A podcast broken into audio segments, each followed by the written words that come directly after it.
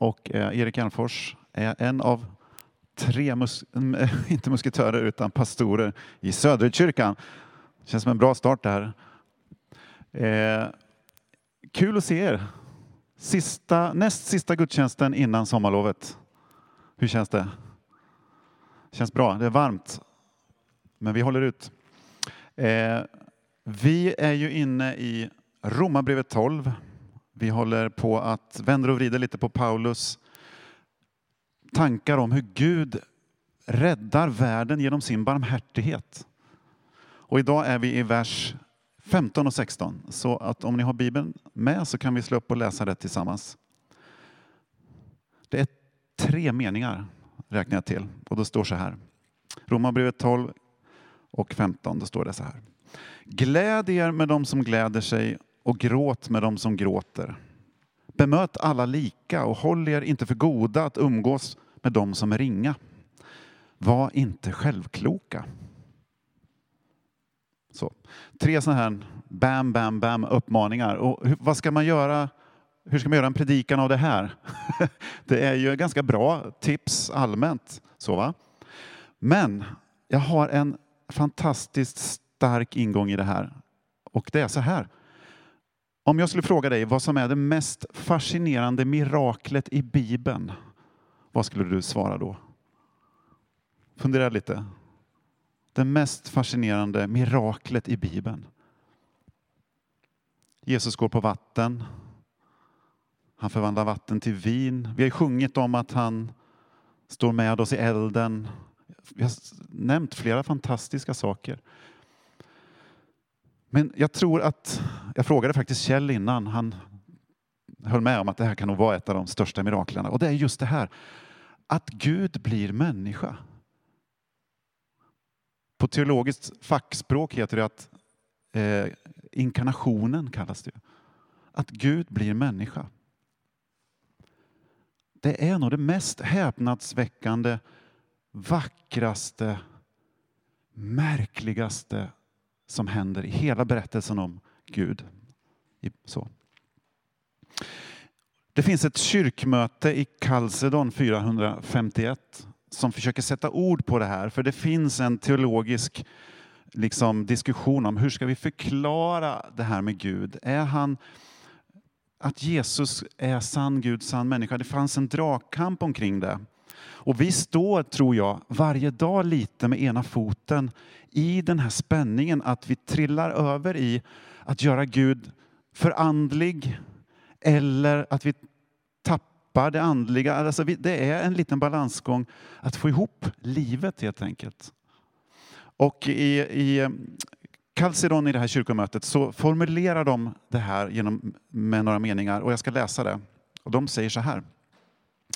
Jesus Kristus är sann Gud och sann människa, en person i två naturer. Den gudomliga är av samma väsen som Fadern, den mänskliga av samma väsen som vi. Dessa är i honom förenade utan åtskillnad, sammanblandning eller förändring. Ja, kan du ligga vaken en natt och försöka pussla ihop. Men vad, vad är det här? Alltså, vad, är det, vad är det som är så fantastiskt med det här?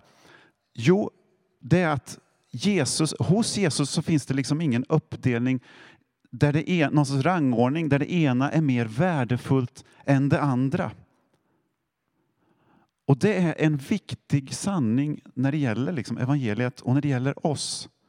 För på något sätt innebär det i praktiken att allt det som du och jag är, kropp och någon form av insida, vi kan kalla det ande, själ, känslor, allt det som vi är, är viktigt och meningsfullt och vackert och föremål för Jesu kärlek. Allt Jesus är och gör sitter ihop. Och på något sätt dras vi med i det, i allt som Jesus gör. Han gör oss hela. Det här är ett ord du kommer få höra några gånger de närmsta minuterna. Helhet. Så när Paulus skriver just det här i sin uppmaning här att skratta med de glada, eller glädje med de glada, gråt med de som gråter, så, så är det inte bara en allmän uppmaning om social kompetens eller att vi skapar en skön stämning i Söderkyrkan genom att vi känner in de som kommer in och så är vi på deras nivå. Det är, det, det är bra grejer, det är, det är social kompetens, kan man komma långt med. Men det här bottnar i något djupare hos Gud. Att Gud är helhet. Att hos Gud finns både skratt och gråt. Hos Gud finns glädje och smärta. Det finns igenkänning i Guds väsen, i allt som vi är. Alltså, eh, och jag vet, ibland i vissa sammanhang, sammanhang som jag har varit i, när jag har varit en, en yngre Erik som rörde mig i olika sammanhang i kyrkan, då, då, då trodde jag att jag fick lära mig att vi ska sälja in evangeliet som att någonting du blir glad av. Vi ska sälja, vi måste få gudstjänsten och allt att bli glatt så att alla vill komma och bli glada. Och det är inget fel med det, man vill ju vara glad som de säger i Killinggänget. Har ni sett det? Teknikern, vad heter han? Jag vet inte vad han heter. Han är så skön. Han bara, man vill ju vara glad. Det är hans funderingar. Brukar vi säga hemma ibland. Man vill ju vara glad. Och det vill man ju vara. Men det finns någonting i evangeliet som handlar om att vi kan inte bara tänka oss att vi ska slå oss ut på marknaden och sälja glädje. För det är många i samhället som säljer glädje. Det är massa folk som vill sälja enkla vägar till lycka. Det är inte riktigt evangeliet. Utan det som är så fascinerande med evangeliet är helheten. Helheten hos Jesus är det fantastiska. Jesus är hel. Jesus känner till både glädje och gråt. Ni har ju hört det här uttrycket att ingen söker tröst hos en perfekt människa. Har ni hört det? Och jag tror att det ligger något sant i det. För vi letar, jag letar ju efter igenkänning. Jag letar efter medkänsla och förståelse. Jag vet att jag ibland funderar, hur är det med Jesus? Vad vet han om riktig svärta? Som, som en artist sjunger. Vad vet min släkt om riktig svärta? Vad vet min släkt om att leva som man brinner liksom och bränner ut sig? Vad vet de? Och jag tänkte så här, ja vad vet Jesus om riktig svärta? Är Jesus upphöjd över vår mänsklighet och brist och våra glädjeämnen, små och stora? Är han upphöjd över vår oro? Alltså livets ingredienser. Ni känner ju igen alla här inne och ni som tittar hemma vet ju hur det är att leva. Det är ju skratt och gråt, högt och lågt, berg och dalbanor. Och jag tror att det ligger i oss inte att leta efter någon perfekt person som kan trösta oss, utan någon som kan känna igen sig, någon som vi kan känna igen oss i.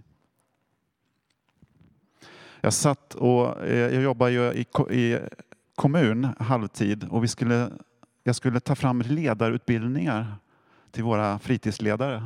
Jag fick det uppdraget.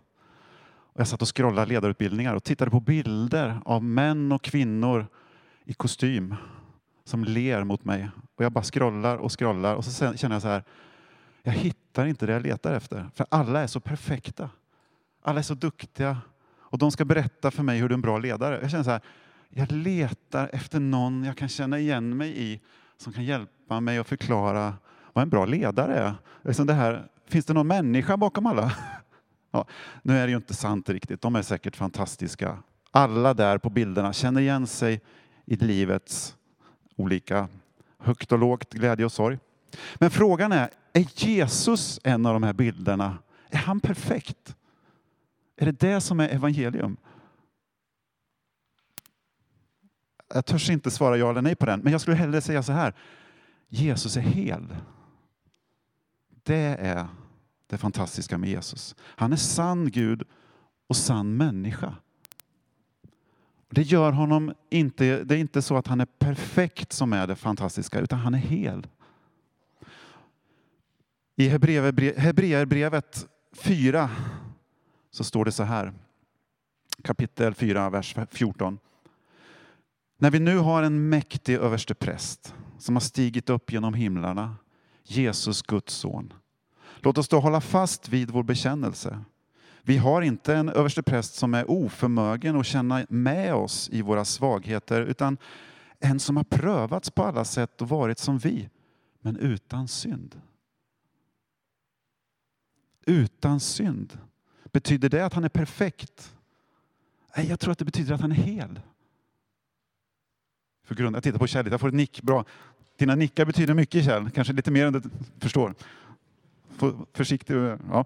Men i alla fall, tänk om frälsning, Guds barmhärtighet som Paulus har inlett det här med. Tänk om det innebär helhet. Skratt och gråt har sin plats. För livet som vi känner till det innehåller skratt och gråt. Frälsning innebär helhet, att allt finner sin rätta plats. Det här är Jesus, vad han gör. Det var någon som sa att det, det finns ju en, i, i slutet av Bibeln, Uppenbarelseboken 21, så beskrivs ju liksom en framtid när vi ska få möta Jesus igen. Och då står det ju i kapitel 21 att Jesus han ska torka alla tårar från deras ögon. Och det är jättevackert. Och jag har en kompis som satt, han, han hade läst det där. Han sa till mig så här, Erik, tänk om det här betyder inte att nu tar Jesus bort all gråt, som var, för den är dålig. Han, eh, liksom inte, nu, nu bara tar han bort all gråt, utan kanske är det så att nu får vi sätta oss ner och så får vi gråta ut tillsammans med Jesus. Have a good cry, som man säger på engelska. Let's have a good cry, och så är vi klara med det här. Tänk om det är så att Jesus gråter ut tillsammans med oss tills vi har gråtit klart över allt som vi behöver gråta över. Gråten har gjort sitt sen och så är vi klara med det och sen går vi vidare. För gråten har sin plats i frälsningen, i helheten. Det innebär att tårar inte är något dåligt, det är en tillgång, en gåva, det som gör oss mänskliga. Skrattar och gråter Jesus i evangelierna? Ja, visst. Han skrattar och han gråter. Jag tror så här, Guds barmhärtighet lär oss att dela både glädje och tårar med varandra och med världen. Jag tänker att kyrkan kanske inte i första hand ska vara en reklampelare för glädje i första hand, även om glädje är bra, men för helhet. Här finns människor som gestaltar ett djup hos Gud. Det gör mig glad. Det gör mig glad. En Gud som vet vad det är att gråta, som jag kan känna igen mig mm. Jag går vidare till nästa sak som Paulus pratar om här. För det är en sak som träffar mig i texten och det är just det här eh, att jag har lätt för att skratta med de som skrattar. Jag rör mig oftast med glada människor. Det är roligt att vara glad. Jag, jag, är mest med glada människor. Ni är ganska glada de flesta av er. Det är roligt att hänga. Men det är ganska sällan som jag gråter med de som gråter. Om ni förstår vad jag menar. Och Det där träffade mig lite när jag satt och läste det här. För Paulus säger det, gråt med de som gråter. Och jag satt, när gör jag det? The Message på svenska som översätter det här har en annan liten andra ord för det här. Och han, det står så här i den översättningen. Bekanta er med folk som inte är något. Och där känner jag det här ordet bekant, att inte vara bekant. En brist hos mig är ju att de här som, som gråter, om vi kallar dem för de minsta eller de ringa som vi läste först där. De är obekanta för mig. Jag är mer bekant med folk som är ganska lika mig och jag tänker att till vardags så möter vi ju, vi möter ju människor med liv som har toppar och dalar. Vi har det. Mina kollegor har det, mina grannar har det, min familj har det. Vi har toppar och dalar. Vi, livet är ju sånt. Vi har glädje och sorg i olika perioder. Men det finns de som gråter mer än andra. Och jag tror att Jesus kallar oss att vara bekanta med dem. Lyssna på vad Jesus säger i början av Lukas evangeliet. Lukas 4. När han håller sin första predikan så säger han så här. Herrens ande är över mig. Ty han har smort mig till att frambära ett glädjebud till de fattiga. Han har sänt mig att förkunna befrielse för de fångna och syn för de blinda, att ge de förtryckta frihet och förkunna ett nådens år från Herren. Det är ganska tydligt vilket fokus Jesus har. Jag är här och mitt fokus är på de ringa, de minsta, de som sörjer. Det är de jag är här för. Och när jag läser det här så tänker jag så här, jag fastnar lätt i en bubbla med de som är ganska lika mig. Oftast glada människor.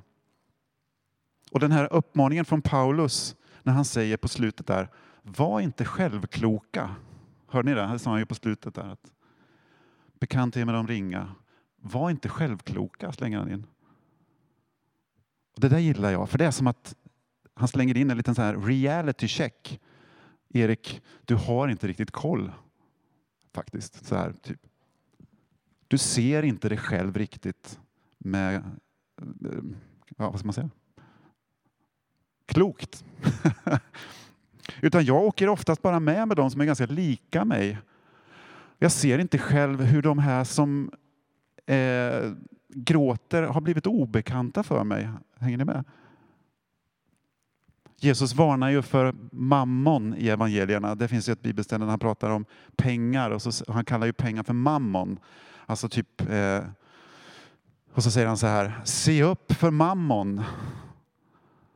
Om, och liksom, det är verkligen en varning med utropstecken. Se upp för mammon. Och varför varnar han för det? Jo, för att du själv kan inte riktigt avgöra om du har trasslat in dig lite i egoism eller i jag sparar bara, tänker bara på mig själv. Så Jesus säger, se upp för mammon. Du har inte riktigt koll. Du är, var inte självklok. Jag tror lite här känner jag igen mig när det gäller att vara bekant med de ringa. Var inte självklok Erik. Det finns ett djup här hos Gud som du behöver få tag på. Ett hjärta för de ringa. Ibland tänker jag att jag är en av de ringa. Så, har det verkligen, så är det verkligen. Gud har verkligen förbarmat sig över lille mig genom livet och kommer säkert göra så. Men jag tänkte på en, en grej som vi hörde i förra predikan när en av de tre musketörer, pastorerna, en av de tre pastorerna, Carolina, hon predikade förra veckan om att bli vän med en främling. Jättebra predikan. Och jag misstänker att, att Gud kommer till oss ibland maskerad som en främling, som en av de minsta. Jesus säger ju där själv att vad ni har gjort för någon av de minsta har ni gjort för mig. Och jag brukar tänka det att när jag träffar en person som, eh, som eh, jag vet inte vad jag ska säga, det, jag hittar inte ord, men en, om, jag, om en av de minsta, någon som lever ett annat liv än mig, som inte är lika privilegierad som mig, har det tuffare, sådär, så brukar jag tänka, nu gäller det Erik att inte vara självklok. Det här är, det kan vara Jesus som kommer förklädd. Och det här hände mig för några veckor sedan så hände det här. En av de minsta kom på besök, helt eh, utan att jag var beredd. Det var så här att vi skulle ha dop här i kyrkan. Jag tror det var tre eller fyra söndagar sedan. Och jag var här ganska tidigt, för det tar några timmar att fylla dopgraven. Så jag var här riktigt i gryningen var jag här, satte på vattenkranarna. Och sen så förberedde jag lite, klädde upp mig och sen så gick jag och satte mig och så skulle jag ha lagt fram lite mackor och kaffe och så skulle jag ladda och tänka nu, vad är det vi ska säga? Nu får jag inte sjabbla till det här. Jag får inte säga musketörerna och pastorerna som jag verkar göra hela tiden. Och sen när jag ska sätta mig ner så tittar jag så råkar jag se att det ligger en person i gränden. Jag ser att det ligger någon utslagen i gränden. Och det är en kvinna som ligger där i täckjacka och utan skor. Och jag tänker såklart, nej, inte nu. Jag ska ju precis fira gudstjänst. Jag, har ett, jag ska ju precis döpa och gå ner i dopgrav. Jag har klätt upp mig. Ni vet sådär. Och jag kan tänka mig att du kanske också tänker så ibland. Inte nu. Kom när jag har tid. så. Och Det här tror jag är lite typiskt Jesus. Han kommer, eh, vi springer på honom. Han kommer, han kommer överraska oss. Och jag tänkte så här, nej inte nu. Och sen tänkte jag direkt efter, nu är det en ängel på besök. Nu gäller det att behandla den här personen som om Jesus själv var här. Det här är en av de minsta. Och det var lite roligt med att jag tänkte så här, jag håller på att förbereda en gudstjänst och ser en, en, en av de minsta och tänker, jag har inte tid, jag ska fira gudstjänst. Det är en liten paradox kan man ju tycka. Nu är jag lite hård mot mig själv men när gudstjänst handlar om de minsta, Guds kärlek. Men i alla fall, jag gick ner och så väckte jag den här kvinnan och så pratade vi lite och hon berättade lite. Hon hade ju ett jättetrassligt liv. Hon hade haft en trasslig natt. Hon hade varit ute och gått i regnet utan skor. Ja, det. Vad gör man? Jag gick och hämtade lite kaffe och vi satt och pratade lite. Eh, och sen så tänkte jag, vad ska jag göra? Och så, jag gjorde en riktigt dålig sak. Hon frågade om hon fick komma in på gudstjänsten. Och jag bara, det första öppna gudstjänsten, vi har covid-restriktioner. Alla måste anmäla sig. Och jag sa, jag vet inte om du kan komma in idag för det är covid-restriktioner. Och det där var ju riktigt, riktigt dåligt. Så jag sa att idag är inte läge. Och jag skäms. Men jag gjorde en bra grej. Hon fick mina skor. Mina gamla sneakers. Och så gick hon iväg. Och så tänkte jag att, jag vet inte, jag gick, jag vet inte om någon märkte att jag gick i strumpor ganska länge innan Anna-Lena kom med ett par nya skor hemifrån. Men jag tänkte så här efteråt, jag sa det till Kjell, jag tror jag sa det till Karolina med, att nästa gång, självklart kommer hon in. Det är ju henne vi firar gudstjänst för. Eller hur? Det är vi överens om va? Gör inte som er pastor. Gör som Jesus. Men eh, där sprack min bubbla lite grann. Så typiskt. Men jag, men jag tänker att det där är jättebra. Det där är vägen till att bli bekant med de ringa. Det här är någonting av evangeliet. Okej. Okay. Eh, vad säger Paulus till oss idag genom de här korta meningarna? Skratta med de som skrattar, gråt med de som gråter. Hur peppar han oss att förstå det märkvärdiga och fantastiska i frälsningen? Helheten. Jag tänker att en sak som vi kan ta med oss är nog det här enkla. Se till att försöka bekanta dig med folk som inte är något. De minsta, de ringa. Lär dig deras namn. Lär känna deras glädje och tårar. Och jag tänker att då kommer du få hjälp att lära känna Jesus som sann Gud och sann människa, för det här sitter ihop. Han som är hel, hos honom som det finns både glädje och gråt. Vi kommer få hjälp att lära känna Jesu barmhärtighet. Är inte det en enkel men härlig vision att leva för? Där var utkastet slut. Ta med er det som anden lägger på era hjärtan. Så ska vi fortsätta att fira gudstjänst. Vi ska fira nattvard, fortsätta att sjunga och be lite. Så. Jag rundar ihop det här med en liten bön. Så. Jesus. Jesus, tack för det fantastiska, otroliga i att du är sann Gud, sann människa. Och att du inte bara har kommit ner och hälsat på och sen farit upp till himlen igen. Du har inte bara varit på besök förklädd till människa eller något sånt, utan du har gjort något så otroligt märkvärdigt. Du är sann Gud och sann människa, Jesus. Hos dig finns skratt och gråt. Hos dig finns igenkänning och förståelse och barmhärtighet. Och Det är så roligt att du vill lära oss det här, Herre. Tack för att du inte att du inte är arg på oss för att vi inte har lyckats eller för att jag inte lyckades den gången.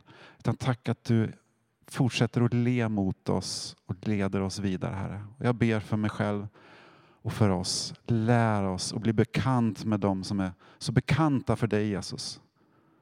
Lär oss att se med dina ögon. Tack för glädje, Herre. Tack för att du har gett oss möjligheten att gråta tillsammans, Herre, med dig. Det är riktigt goda nyheter, Jesus. Amen.